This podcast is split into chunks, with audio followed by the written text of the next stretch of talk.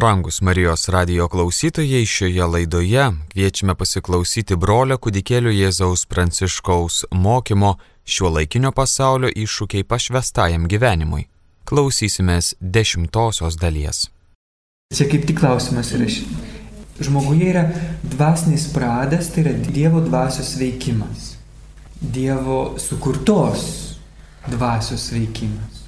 Tai kam reikia Ar kaip suprasti dar vieną dvasę, šventąją dvasę, kuri vėl išliejama ant žmonių, sustiprinti juos ir tai žmoguje esančiai dvasiai, lyg tai ta būtų per silpna veikti.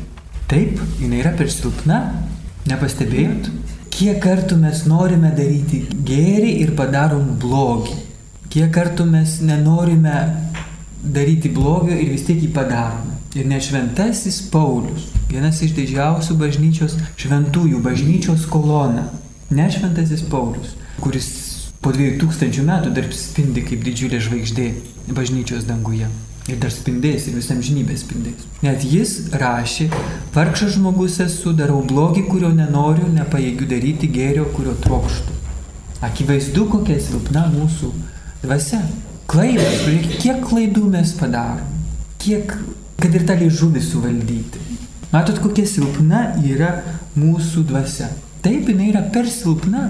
Jau net elgtis pagal žmogaus normalią prigimtį jinai per silpna pasidarė po gimtosios nuodėmis nuopolių. Tuo labiau yra ne tik ne per silpna, bet iš vis yra neįmanoma žmogaus dvasiai gyventi paties Dievo gyvenimu. O Jėzus atėjo ne šiaip restauruoti mūsų sugadintą Dievo paveikslą ir panašumą. Jis atėjo daug didesnio dalyko duoti. Jis atėjo mus padaryti dieviškosios prigimties dalininkais, kad mes gyventume paties Dievo gyvenimu. Tai aišku, kad sukurtoji žmogaus dvasia šviesmečia ją iki tokio gyvenimo. Šviesmečia. Ir todėl būtinai reikalinga šventoji dvasia, kad ji mumyse išskleistų patį Jėzų, Dievo sūnų, Dievo žodį, Dievo gyvenimą mumise. Ir tada įvyks tas neįmanomas dalykas. Tas krusdėlytė, kurie esu, galėsiu gyventi patys Dievo gyvenimą. Štai kam reikalinga ta dar viena dvasia. Šventoji dvasia, meilės dvasia. Kad iš tikrųjų mes gali, ne tik, kad galėtume nustoti meluoti ir ėsti vieni kitus ir, ir šmeišti ir visokias blogybės daryti be saiko ir be sustojimo, bet kad dar priedo galėtume dalyvauti Dievo gyvenime, gyventi pačiu Dievo gyvenimu, šviesos ir meilės gyvenimu, kuris yra dangaus gyvenimas. Ten mes visi būsime šventoje dvasioje ir šventoje dvasia bus mumise visuose. Apskritai mes būsime Dievuje ir Dievas mumise. Tai aš norėjau pakalbėti apie įžadus. Apie įžadus, kaip mūsų santoka su Jėzum, mistinė santoka, kur nėra kažkokia tai mitinė, legendinė, iliuzinė, virtuali. Nes mistika nėra iliuzija ir virtuali erdvė. Mistika yra pati tikriausia realybė. Mistikos graikiškai reiškia paslėptas. Paslėptas nuo žmonių akių. Ir dažniausiai tai, kas yra paslėpta, yra tikriausia. O kas matosi akims, tai dažnai būna plastmasiukai visokie. Chemija. Tikriausiai dalykai yra saugomi. Dvasia yra tikresnis dalykas už medžiagą ir dvasia yra nematoma. Pats tikriausias dalykas yra aukščiausia būtis, kuri realiausiai egzistuoja, tai Dievas, bet jis yra paslėptas. Taigi mistika yra paslėptas dalykas, bet tai nereiškia, kad tai yra netikras dalykas, yra pats tikriausias dalykas. Ir mūsų mistinė santuoka, ji iš tikrųjų yra paslėpta žmonių akims, kitą kartą ir mūsų pačių akims, bet yra pats tikriausias dalykas mūsų gyvenime. Ir toji mistinė santuoka įvyksta tokiu pat būdu, kaip ji įvyko tarp naujojo Adomo ir naujosios Jėvos ant kryžiaus. Mūsų įžadai neišvengiamai yra susiję su kryžiumi. Tai yra mūsų santokos su Jėzumi būdas ir išraiška. Ir tai yra didžiulis šio laikinio pasaulio iššūkis pašvestajam gyvenimui. Nes pasaulis nori būti turtingas, Pasaulis nori maudytis malonumuose, kūniškuose malonumuose. Ir pasaulis yra išpuikęs, pasaulis nori viską nuspręsti pats. Viską, viską, viską. Jis nori nuspręsti netgi, kas yra santuoka. Jis nori nuspręsti, ar turi teisę vaikas gyventi ar ne. Jis nori nuspręsti, ar senelis gali gyventi ar ne. Jis nori nuspręsti, ar aš galiu būti vyras, ar aš galiu būti moteris. Pasaulis nori viską nuspręsti už Dievą. Ir neturtas, skaistumas, klusnumas tiesiogiai prieštarauja šitoms pasaulio ambicijoms. Tai yra pasaulio geismai, apie kuriuos kalba Šventasis Jonas savo pirmajam laiške kūno geismas, akių geismas ir gyvenimo puikybė. Vaistas nuo gyvenimo puikybės yra paklusnumas, vaistas nuo kūno geismo yra skaistumas, vaistas nuo akių geismo yra neturtas. Pirmiausia, neturto dvasia, skaistumo dvasia, klusnumo dvasia ir paskui tos dvasios įkūnyjimas mūsų gyvenime. Ir kadangi mūsų Prigimtis nori, nenori, dėl gimtosios nuodėmės paveldimosios, mirtinos ir užkrečiamos lygos turi savyje tą kūno geismo, akių geismo ir gyvenimo puikybės virusų, tai neturtas, skaistumas ir klusnumas neišvengiamai bent jau kurį laiką gali atrodyti ir atrodo kaip mūsų pačių luošinimas, kad mes luošiname save. Pasaulis, tarp kitko, taip ir žiūri į mus, kaip į save pačius suluošinusius žmonės. Nes atrodytų pasaulio akimis žiūrint ir kitą kartą ir mūsų akimis, kai pradedame liūdėti dėl savęs ir gailėti savęs, atrodo, kad mes iš tikrųjų esame baisiam kalėjime. Nes pirmiausia, negali turėti tiek turto, kiek norėtum ar galėtum, ir taip su juo elgtis, kaip norėtum ar galėtum, Bet tai nėra pats sunkiausias įžadas. Paskui negali elgti su savo kūnu taip, kaip norėtum ar galėtum, nes jau esi prižadėjęs jį Dievui, kuriam atrodo visai jo nereikia. Kartais. Kartais atrodo. Bet ir tai nėra sunkiausias įžadas. Sunkiausias įžadas tai yra klusnumo. Kai net ir savo valios sprendimo negali elgtis taip, kaip pats norėtum, kaip tau šauna į galvą nes esi atidavęs jį Dievui. Nu, Dievas neklysta, bet esi atidavęs per klystantį vyresnį, tai čia jau iš vis beprotybės viršūnė, pasaulio akimis žiūri. Nes gali atsitikti, kad esi protingesnis už vyresnį. Gali taip atsitikti.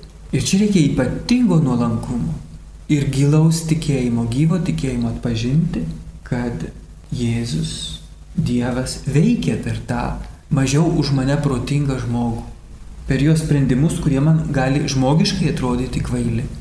Apie tą būdą, kaip gyventi neturtų klusnumu, skaistu mes dar pakalbėsim, bet kol kas aš noriu atkreipdėmėsi būtent į tą faktą, kad šitie įžadai pasaulio akimi žiūrint yra beprotybė.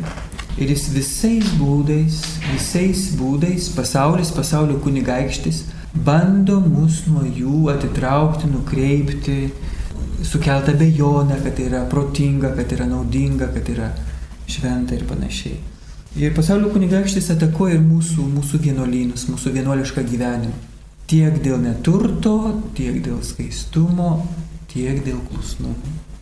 Ir kuo toliau, tuo labiau. Nes vyksta pasiruošimas tai galutiniai Armagedono kovai. Dabar jau žinot, ką reiškia istorija. Armagedono mūšių. Ir būtent todėl, kad mes galėtume atsilaikyti prieš šitą samokslą pasaulio kunigaikščių ir visų jo varlių, Čia iš apokalipsės atsimena tos trys dvasios kaip varlės, kurios išeina iš, iš netikro pranašo, iš Libino ir iš drakono burnos. Kad mes galėtume atsilaikyti, turime tuo labiau ir giliau gyventi neturto skaistumo, kusnumo įžadais. Faktas, kad kadangi mūsų prigimtis linksta labiau į pasaulio geismus, kuriais yra užkrėsta, tai mūsų troškimas duoti neturto skaistumo ir klusnumo įžadus, jis kyla tikrai ne iš mūsų prigimties ir ne iš pasaulio. Jeigu mes trokštame širdį gyventi neturtingai, skaičiai ir klusniai, tai tas troškimas gali kilti tik iš Dievo dvasios. Dievo, kuris yra priešingas pasauliu ir jo geismams. Ir jeigu mums sykį Dievas įkvėpė šitą troškimą, taip kaip gėlytė kokia pasodinta į vazoną, tai paskui jau mums priklauso ją puoselėti, ravėti, saugoti, laistyti su Dievo malonė, žinoma, su Dievo malonė. Bet yra mūsų didelė atsakomybė leisti, kad maloniai stiprintų ir augintų tai, ką jinai mumise pradėjo. Ir todėl aš norėčiau dabar paskaityti vėl keletą ištraukų iš Faustinos dienoraščių, ką jinai rašo apie šitos tris įžadus ir ypač apie paklusnumą. Nes paklusnumas iš esmės apima ir neturto, ir skaistumo įžadą. Nes iš paklusnumo aš atsisakau teisės disponuoti turtu, turėti gerybių šio, šio pasaulio. Ir iš paklusnumo aš taip pat nedarau su savo kūnu tai, ką aš norėčiau pagal savo apgadintą prigimtį. Ir todėl Šventoji Faustina daugiausiai skiria dėmesio šitam paklusnumo įžadui. Ir matysim, kad jinai patarė seserims, kaip paklusti, bet vyresniosioms dvigubai daugiau prirašo, kaip jos turėtų vadovauti seserims. Tai aš noriu ir, ir tą, ir tą paskaityti, nes tai yra, tai yra tikrai labai gražus puslapiai, šventosius puslapiai, kurie gali duoti ir mums, ir mums duoti šviesos. Tai pirmiausia apie, apie tuos įžadus. Jis labai paprastai, labai paprastai apie tuos dalykus sako, su nuostabiu paprastumu. Aš dabar skaitysiu iš lietuviško vertimo 161 puslapis, tai yra 533 paragrafas, 533 pastraipa. Puslapis 161, o pastraipa 533 ir toliau iki, iki 536. Kai likau viena, ėmiau mąstyti apie neturto dvasę. Aiškiai matau, kad Jėzus nieko neturėjo, nors yra visako viešpats. Eidžios paskolintos, per gyvenimą eina visiems darydamas gerą, o pats neturi kur galvos priklausti. Jis turi, turėjo omeny čia Betlėjaus eidžias, nes tai nebuvo Juozapo ir Marijos, bet net tos eidžios buvo paskolintos. O pats neturi kur galvos priklausti o ant kryžiaus matau jo neturto viršūnę, nes neturi net drabužio. O Jėzau per iškilmingą neturto įžadą trokštų tapti panaši į tave. Neturtas bus mano motina. Kaip išoriškai nieko neturėti ir nesinaudoti kaip nuosavybę, taip ir viduje nieko netrokšti. Šitas sakinukas yra labai didelė šviesa, kaip mums gyventi neturto įžadą. Nieko neturėti ir nesinaudoti kaip nuosavybė. Kitaip sakant, net ir mano akiniai, kurie yra šiaip jau pritaikyti tik man, nes dvi skirtingos akis žiūri kitaip ir, ir net kitam netiks broliui tie akiniai, jie vis tiek nėra mano.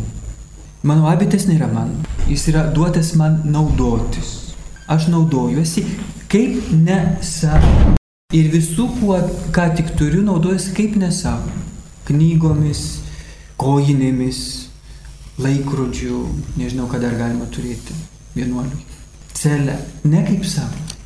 Kaip paskolintais dalykais, patikėtais man, bet ne savo. Išiškai nieko neturėti ir nesinaudoti kaip nuosavybė. Taip ir viduje nieko netrokšti. Pavyzdžiui, vyresnioji pasako, atiduok parkerį, aš noriu atiduoti tenai seserį. Aš atiduodu, nes tai ne mano parkeris.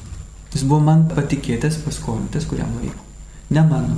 Aš neturiu jokių teisių Nei į akinius, nei į parkerį, nei į netikojinės neturi teisų. Ir viduje nieko netrokšti. Va čia tai jau yra neturto dvasia. Viduje nieko netrokšti. Ir matot, tas neturtas jis apima ne tik medžiaginius daiktus, laikrodį, kojinės, nosinę, dar kažką. Jis apima taip pat mūsų dėmesio troškimą, švelnumo troškimą, draugystės troškimą, sveikatą, mūsų laiką. Daugybė dalykų neturtas apima. Kaip neturtingai naudotis laiku. Mums vienuoliams laikas nebepriklauso, jis nebe mūsų, jis yra Dievo. Ir jis mums yra patikėtas, kad per tą laiką mes sukrautume kapitalą Jėzui iš to laiko. Tai yra talentas mums patikėtas, kad jis neštų dešimt kitų talentų. Kitaip sakant, kad mes mylėtume per tą laiką kad užauktų meilės, meilės procentai Jėzui. O ką mes darom su tuo laiku? Dažniausiai švaistom. Švaistom šitą Jėzaus mums duotą turtą, užuot leidę jį apyvartą, kad neštų procentų jo meilės bankų. O mes švaistom. Ir aš čia pats savo irgi pamokslauju. Internetas, laikrašiai kitą kartą gali būti, plepalai tušti, Kiek mes iškalbam tuščiai laiko, kai galėtume mylėti per tą laiką, tarnauti, ką nors gero padaryti, užuot aušinę burnas. Čia irgi yra neturto įžado sritis. Mūsų sveikata. Mūsų sveikata taip pat yra neturto objektas. Ir mes ne patys turime nuspręsti, kad mums reikia gydytojų. Tai turi būti iš paklusnumo. Nes tai nebe mūsų kūnas ir nebe mūsų sveikata. Ir taip kaip vyresnioji tvarko visą bendruomenės turtą, jinai turi tvarkyti taip pat ir mano sveikatą. Ir čia reikia viena vertus tausojimo savo kūno ir savo sveikatos. Ir reikia pasisakyti vyresnė, jeigu 22 val. atsigulusi 7.30 aš keliuosi su skaudančia galva. Aš turiu pasakyti, kad šita, šita Jėzaus nuosavybė yra truputėlį išklerusi. Ir kad reikia ją kažkaip taisyti turiu prižiūrėti, esu atsakinga už man patikėtą sveikatą. Bet kita vertus turiu taip pat nebūti pernelyg gopšiai, užakindama po penkiais užaktais, nesaugo tos sveikatos, kaip kitą kartą būna irgi žmonės nusiperka mašiną, užrakina į garažą ir nei patys važiuoja, nei kitiems duoda. Būna tikrai. Ir netaip jau retai, tarp kitko. Ir panašiai mes elgiamės kartai su savo sveikata. Vadinasi, trūksta mums neturto šitoj srityje irgi su mūsų draugystė. Paprastai draugystėje, žmogiškoji draugystė yra draugystės teisė. Tu turi teisę turėti draugą, tai mūsų prigimties teisė. Mes esame sukurti, žmonės esame sukurti meiliai, kad mylėtume ir būtume mylimi. Ir draugas yra teisė. Ir tu gali iš draugo prašyti dalykų, kurių, kurių kitą kartą ir pinigais negali nupirkti. Kokios paslaugos ar, ar, ar pagalbos. Tikras draugas yra pats geriausias tarnas, geresnio nėra. Užtat Jėzus įsako, jūs aš draugais vadinu, nebe tarnais. Nes tai yra dar geresni tarnai už paprastus samdinius, tikrai draugai. Ir todėl, tarp kitko, Jėzus tarnauja savo mokiniams. O vienuoliškam gyvenime per neturto įžadą mes, šitą teisę paukojame. Tai nereiškia, kad mes jos negalime turėti taip, kaip mes turime, at uzum naudojimui nosinę ar parkerį ar akinius, ar laiką, kuris yra skirtas mums nueiti į polikliniką. Bet mes neturim teisės į tą draugystę. Mes turim ją neturtingai priimti kaip Dievo dovana, kurią naudojamės paklusnumu, paklusnumo dvasioje. Vyresniesiems žinant ir sutinkant. Neturtingai. Kitaip mes esame nesažiningi. Čia iš tikrųjų reikėtų gal daugiau ir apie pačią draugystę vienuoliškame gyvenime pakalbėti. Draugystė, jinai, kaip jums pasakyti, jos vis tiek žmogaus širdžiai neįsakysi. Nemylėti, pavyzdžiui. Gali stengtis nemylėti, bet jeigu ką pamilai, tai tai pamilai. Tai šita prasme net ir vyresnioji nieko negali padaryti. Mano širdžiai neįsakys nustok mylėti. Jeigu Dievas daro, nes kas myli yra gimęs iš Dievo. Dievo žodis, pirmas Jono laiškas. Tai jeigu Dievas davė, čia vyresnioji jau nebeišplėš. Bet būdą, kaip ta meilė reiškėsi, draugystės išraiška, a, čia tai jau yra Dievo valia, kuri reiškėsi per vyresnį. Ir aišku, kad tas būdas bus labai neturtingas. Nes mes negalime taip draugauti, kaip pasaulio žmonės draugauja. Nes mes esame susituokę su Jėzumi. Ir visa, kas bent truputėlį pažeidžia Jėzaus kaip sutoktinio teisės, jau yra negerai. Ir čia mes užlipam jau truputėlį ant to antro skaistumo. Skaistumo įžado, kuris nėra vien tik tai kūno skaistumas. Tai yra taip pat ir širdies skaistumas, jausmų skaistumas, tyrumas. Kiekvieną kartą, kai mes savinamės draugą ar draugę, ir neįleidžiame į savo draugystės santyki šviesos, kurie ateina per vyresnį, mes nusižengėme neturto įžadui ir skaistumo įžadui taip pat. Dabar labai svarbu suprasti, kad įžadai nėra tikslas patys savaime. Įžadai yra meilės priesaika, santokinė meilės priesaika, kurios tikslas yra mylimasis kad mylėtume jį tokią meilę, kokia jis pats mus myli, neturtinga, skaiščia ir klusne meilė. Ir kad mylėtume tokią meilę, mūsų pagedusiai prigimčiai reikia protezų. Ne protezų, kaip čia pasakyti. Įtvaras toks būna, kai sulūžusi ranka, įdedi į įtvarą, užgipsuoji, kad, kad, kad jinai nekrutėtų. Tai va mes esame savo prigimtį sulaužyti nuodėmis ir todėl linkę į turtą, į turtingumą, linkę į neskaistumą, kūno keismas ir esame linkę į tą perdėtą savarankiškumą, gyvenimo puikybę. Ir įžadai yra toks įtvaras, į kurį mes įdedam savo sulaužytą būtį, savo sulaužytą valią, kad jinai tvirtai laikytųsi ir netabaluotų į dešinį kairę. Ir kai aš nusižengiu neturto skaistumo ar klausnumo įžadui, aš ne pačiam įžadui kaip tokiam nusižengiu, bet aš savo pačiam nusižengiu. Nes aš kenkiu savo paties dieviškosios meilės man jas kleidimuisi, kuriam padeda tie įtvarai, įžadai. Ir jeigu aš juos po truputėlį atlaupau, nulaužiu, nukalu vis gipso gabaliuką, galvodamas, kad, nu, aš dabar taip tapsiu laisvesnis, man lyg ir patogiau jau čia dabar. Iš tikrųjų, aš ir lieku sulaužytas. Dieviškas gyvenimas tada man jie neauga. Ir todėl nusižengti įžadams yra nusižengti savo pačiam pirmiausiai, savo dieviškam pasveikimui iš tos mirtinos paveldimos lygos. Bet ypač aš nusidedu savo mylimai, su kuriuo esu susituokusi. Ne šiaip sužadėtinė, susituokusi. Įžada apie amžinį. Amžinį reiškia ir danguje. ir todėl reikia, reikia, reikia labai žiūrėti, kad, kad nepažeistume šito dieviško gyvenimo augimo mumise, intimumo su, su mylimuoju, kurį gali pažeisti savaime visiškai normalūs ir mūsų prigimčiai natūralūs dalykai. Grįžtam prie tos draugystės. Bet pati draugystė, čia aš jau vyresniosiams kalbu, pati draugystė kaip tokia jinai nėra bloga vienuoliškam gyvenimui. Priešingai, jinai netgi yra šventumo katalizatorius.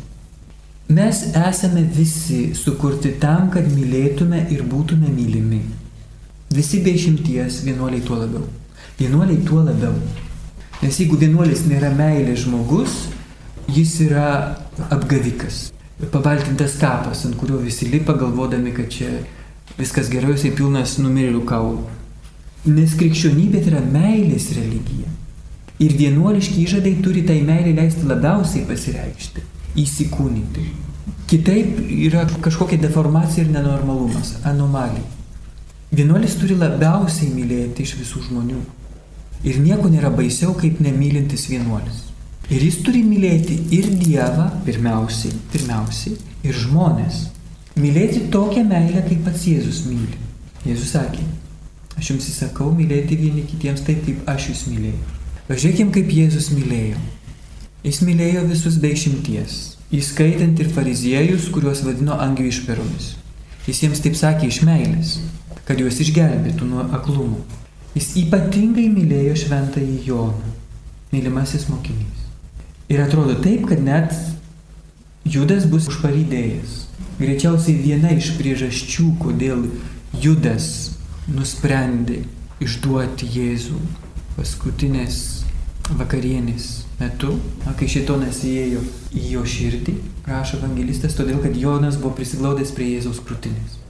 Greičiausiai tai nėra vienintelė priežastis, čia iš vis būtų irgi įdomus klausimas, bet čia bus kada nors kitą kartą dėl ko Judas išdavė Jėzų. Bet greičiausiai viena iš priežasčių tikriausiai bus ir tas pavydas Jono atžvilgiu. Ypatingos Jėzaus meilės Jonui. Bet Jėzus mylėjo taip pat ir Judą. Žiūrėkit, jisai padažęs davė jam kasnį. Padažęs. Tai ne į ranką įdėjo padažęs, į burną. O į burną gali įdėti labai labai artimam bičiuliui kasnelį. Ir tai jums paaiškina Euharistijos prieimimo tiesiai į burną intimumo prasme. Tai Jėzaus bičiulio gestas, kurio bet kam nepadarysi, tik labai artimam žmogui. Motina savo vaikui, mylimasis savo mylimai arba atvirkščiai. Kaip būna, žinot, vaikai, kai, pa, kai paklausi, kas yra meilė. Tai viena mergaitė atsakė, meilė tai kai mamytė išrenka skaniausią kasnelį ir duoda tėveliui burną. Matot, kaip Jėzus per šitą gestą rodė judui, kad Tu man irgi esi brangus, aš tave taip pat myliu. Ypatinga, unikalia, vienatinė meilė. Bet ką aš noriu visų tuo pasakyti, kad aiškiai matome, kad ir Jėzaus gyvenime buvo ypatingų draugystės ryšių. Prisiminkim Lozorių ir jo seseris Morta ir Marija. Marijos Magdalietės santykis su Jėzumi taip pat yra išskirtinis. Vadinasi, yra absoliučiai normalu, kad mes negalime visų vienodai mylėti. Ir absoliučiai normalu, kad mūsų tam tikri santykiai su kai kuriuom seserim, broliais gali būti ypatingesni negu su kitom. Ir tai yra mūsų meilės Jėzui ir kitiems broliams seserims katalizatorius. Aišku, kad čia yra kaip su atominė elektrinė. Reikia labai, labai didelio kropštumo, atidumo, didžiulio neturto, skaistumo ir klusnumo, kad tas atomas būtų taikus. Ar ne? Ir kad neštų daug šventumo energijos. Jeigu tik tai kažkur kažkas negerai išsprogs, bus baisiau už Černobilį.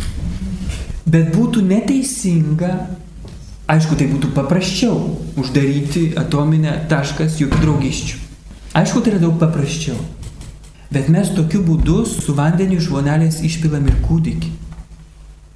Nes išplėšia tai, kas yra giliausia žmoguje, jo troškimą mylėti ir pajėgumą priimti meilę, mes iš esmės išplėšiame jo galimybę taip pat mylėti Dievą ir mylėti žmonės. Aišku, čia tas reikalau didžiulio, didžiulio vyresniųjų atvirumo šventosios dvasios veikimui, didžiulių investicijų laiku, dėmesiu, išklausimu ir taip pat tvirtumu patariant. Bet įdėti kaštai ir laiku, ir pastangomis, ir, ir, ir miegu tikrai atsipirks šventumu. Tikrai. Ir tai yra bažnyčios istorijos patvirtinti dalykai. Visi didieji šventieji turėjo didžių draugysčių. Kiek aš žinau, kiek esu skaitęs šventų gyvenimų, pradedant mano tėvų šventuoju Jonu, kuris buvo mylimasis Jėzaus mokinys, šventasis Pranciškus ir šventoji Klara, šventasis Benediktas ir šventoji Scholastika, šventasis Dominikas ir palaimintoji Cecilija Marija apie kurią galbūt niekada ir negirdėjot, bet yra tokia mažytė palaimintoji, kuri buvo labai artima šventajam Dominikui sielai. Šventasis Pranciškus Salezas ir šventoji Joana Pranciška de Chantal, Šantalietė. Ir taip toliau, ir taip toliau, ir taip toliau. Taip, dar, dar priedo vyras ir moteris. Taip. Ir aš esu tikras, kad viena iš šventumo jų šventumo paslapčių buvo va ta draugystė. Gyvenama Dievo švieso. Didžiuliam neturte, skaistume ir paklusnume. Va tiesiog norėčiau pasakyti, kad reikėtų pasidomėti bažnyčios istorijoje apie šventųjų draugystės. Kad mes galėtume turėti šviesos, kaip mes šiais laikais, 21 amžiaus pradžioje, esame pašaukti kaip pašvesti žmonės gyventi draugystėmis, kad auktume meilę Dievui žmonėms ir kad auktume šventumu.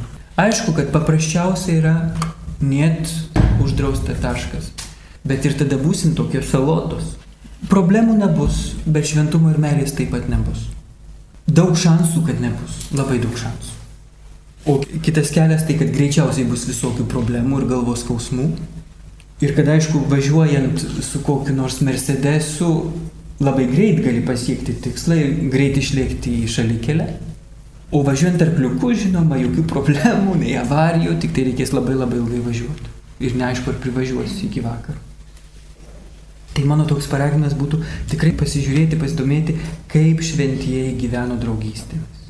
Ir kai atsitinka, aš čia vyresniesiems sakau, kai atsitinka, kad mūsų seserys turi tokią Dievo dovaną draugystę, čia reikia kartu su, su tom seserimis žiūrėti, mokytis iš šventųjų, kaip draugauti nedrausti, bet mokytis iš šventųjų, kaip draugauti. Ir ypač kaip bendruomeniai išsaugoti ramybę ir harmoniją, nes dažniausiai draugystė sukelia didžiausių pavydų ir visokių ten apkalbų ir ko tik tai nori, ko tik tai nori.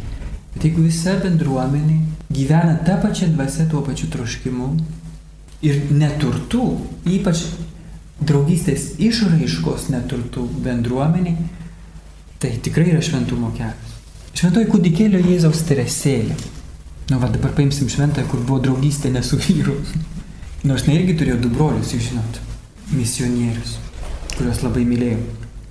Jinai sėki parašė vienai novicai, savo novicai, kurios vardas, jeigu gerai atsimenu, šventoji trejybės Marija. Ne šventoji, ne šventoji, bet tikriausiai dangų. Nes jie jinai ir sakė, kad ir kokie jūs bjauri, jūs vis tiek eisite tiesiai į dangų be skaistykų. Trejybės Marija buvo toji novicai. Jeigu atsimenat nuotrauką Teresėlės, kurio visa bendruomenė skalbykloj. Ir Teresėlės yra toks labai toks rimtas ir iškilmingas veidas su, su tokia šypsenėlė. Ir ta sesutė yra tiesiai, tiesiai prieš ją, truputėlį žemiau, su, su novicės gobtuvu. Ir jinai, tai seseriai, yra parašius tokį raštelį. Jūs esate man brangiausia novicė, aš jūs labiausiai myliu iš visų seserų. Bet šito niekas niekada nesužinos. Jos buvo apsisprendimas gyventi taip, saugoti šitą draugystę savo širdį kaip didžiausią brangenybę ir paslaptį, bet kad į bendruomenę šitą paslaptis neišlystų. Ir atvirkščiai ta sesuo, su kuria jinai turėjo daugiausiai problemų, sakykim taip, jinai labiausiai atsimenant iš vienos sielos istorijos, jinai labiausiai stengiasi visais įmanomais būdais parodyti jos palankumą ir visada šalia jos būtent atsisėsti per rekreacijas ir, ir, ir, ir taip toliau ir taip toliau. Taip, kad ta sesuo visą gyvenimą galvojo, kad jinai buvo mylimoji Teresėlės sesuo. O iš tikrųjų ta sesutė atrodo buvo tikrai ne, ne paties geriausio charakterio ir buvo truputėlį spiglys visai bendruomeniai. Kol galų gale, likus metams ar dviem iki jos mirties, vienas nuodėmklausis neapsikentęs pasakė, žinot, kad Teresėlė apie jūs rašė apie tą seserį. Apie tą seserį, nu, va, kuriai jinai dėjo didžiausias pastangas, nors natūraliai iš prigimties jautė antipatiją. Tai buvo kaip, kaip, kaip griaustinis iš gėdrų dangaus, nes ne visą gyvenimą galvo, kad jinai buvo labiausiai Teresėlės mylima sesuo.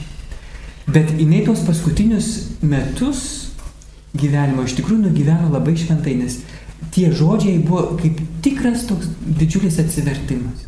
Ir atrodo, kad paskutiniai metai buvo tikrai nuolanki ir šventas esu. Bet aš noriu parodyti, kaip, matot, ta pats draugystės paslaptis, apie kurią aš sakiau, kad čia ir vyresnysis nieko negali sakyti, kurią mes saugom širdį, gali būti visiškai absoliučiai neturtingas išraiškos prasme.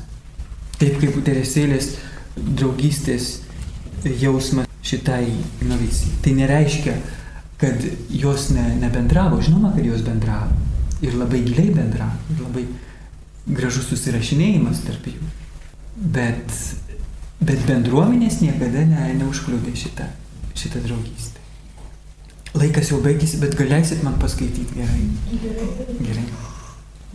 Tai va neturtas, kaip išoriškai nieko neturėti ir nesinaudoti kaip nuosavybė, taip ir viduje nieko netrokšti o koks didelis tavo neturtas švenčiausiame sakramente. Skaistybė. Šis įžadas pats savaime suprantamas kaip visko, kas uždrausta šeštuoju ir devintuoju Dievo įsakymu, atsisakymas. Aišku, veiksmas, mintis, žodis, jausmas ir daugtaškis. Kai kartą apie tai maščiau, išgirdau sieloje šios žodžius. Esi, čia jau Jėzaus žodžiai. Esi mano sužadėtinė amžiams tavo skaistumas turi būti didesnis nei angelų, nes su jokių angelų nesibičiuliauju taip artimai kaip su tavimi. Mažiausias mano sužadėtinės darbas yra neišmatuojamos vertės, tyra siela turi nesuvokiamą vertę Dievo akivaizdoje. Klusnumas. Atėjau vykdyti savo tėvo valią. Čia Jėzaus žodžiai cituojami. Buvau klusnus tėvams, klusnus budeliams, esu klusnus kunigams. Suprantu Jėzaus klusnumo dvasę ir kuo jį grindžiama, jie apima ne vien išorinį atlikimą, bet siejasi su protų, valia ir mąstymu. Klausydami vyresniųjų esame klusnus Dievui, nesvarbu ar angelas ar žmogus Dievo vardu man įsakinės, klusni turiu būti nuolat. Nerašysiu apie įžadus daug, nes patys savaime jie aiškus ir konkrečiai suformuluoti. Ir toliau sako, čia veikiau imsiuosi išdėstyti mintis apie šią vienuolyną, kurią Jėzus prašo įkurti.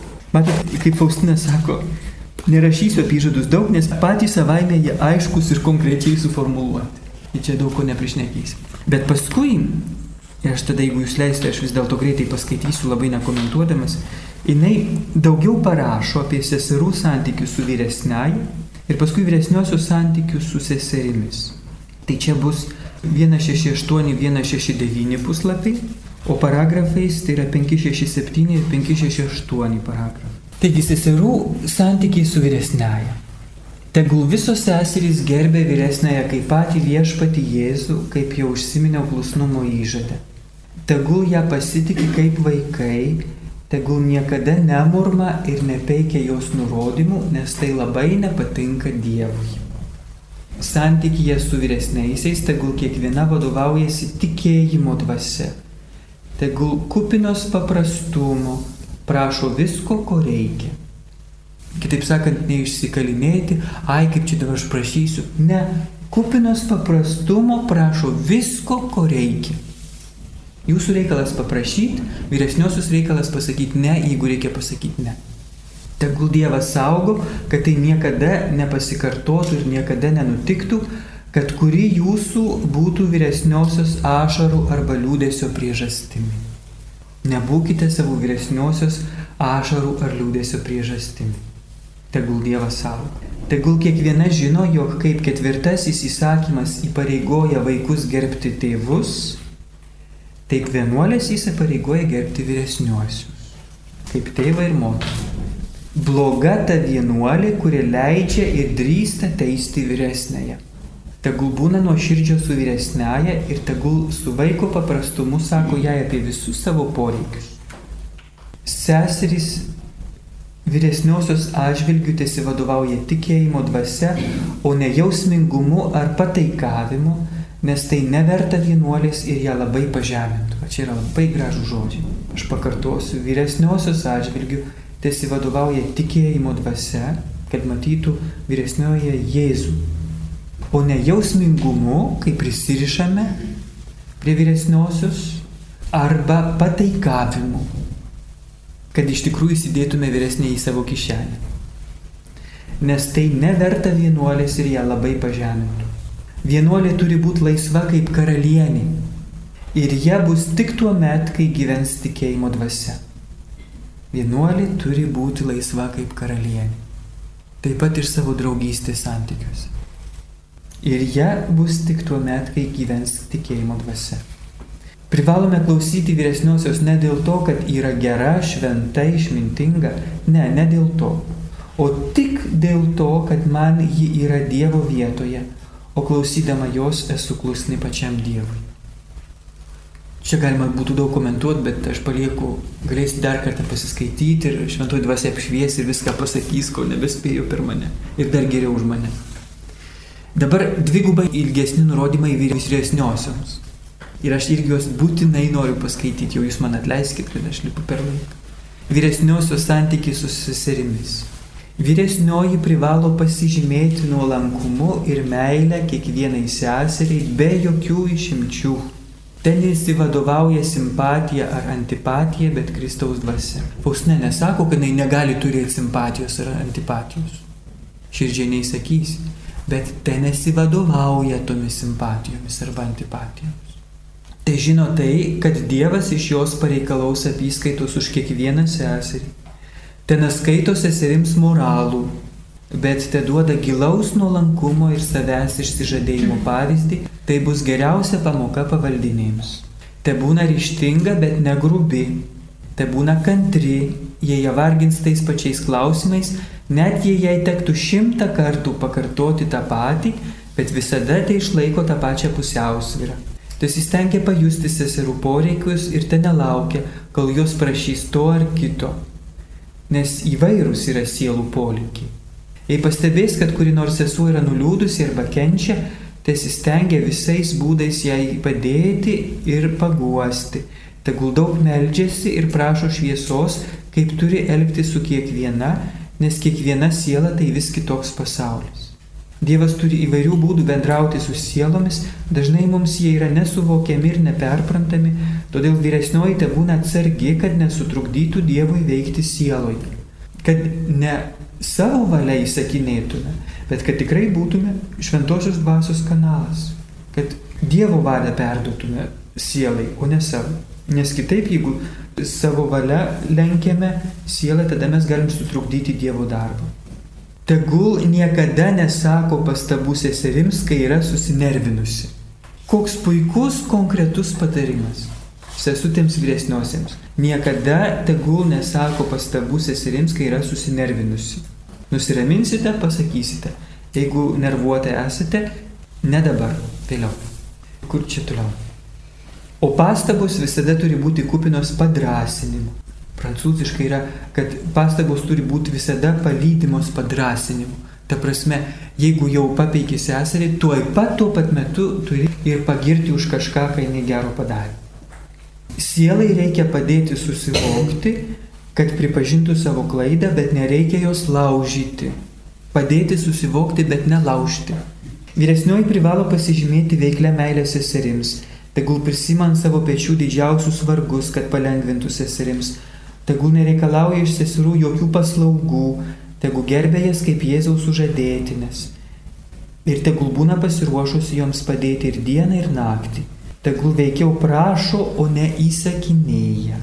Tegul turi širdį atvirą visų seserų kentėjimams, o pati tegul mokosi ir žvelgia į atverstą knygą, tai yra į nukryžiuotą Jėzų. Šventoji Pasino dažnai sakydavo, kad geriausiai gyvenimo knyga tai yra nukryžiuotasis. Tegu visada karštai meldžia šviesos, o ypač tada, kai turi ką nors rimčiau aptarti su kuria nors seserimi. Niekada neskalbti sesers nepasimeldus karštai, giliai ir ilgai. Tesisaugo, kad neįeitų į jų sąžinės rytį, nes čia malonė turi tik kunigas. Bet nutinka, kad kai kurios sielos turi tarsi poreikį išsikalbėti vyresniai, todėl vyresnioji gali išklausyti tokią sielą, bet tegul prisimena paslapti, nes nieko labiau nei skaudins sielos tik tuo, kad kitiems pasakys kažką, ką jį kalbėjo pasitikėdama, tai yra paslapti. Labai, labai, labai svarbu paslaptis. Šiuo atžvelgiu moterų galvos silpnus.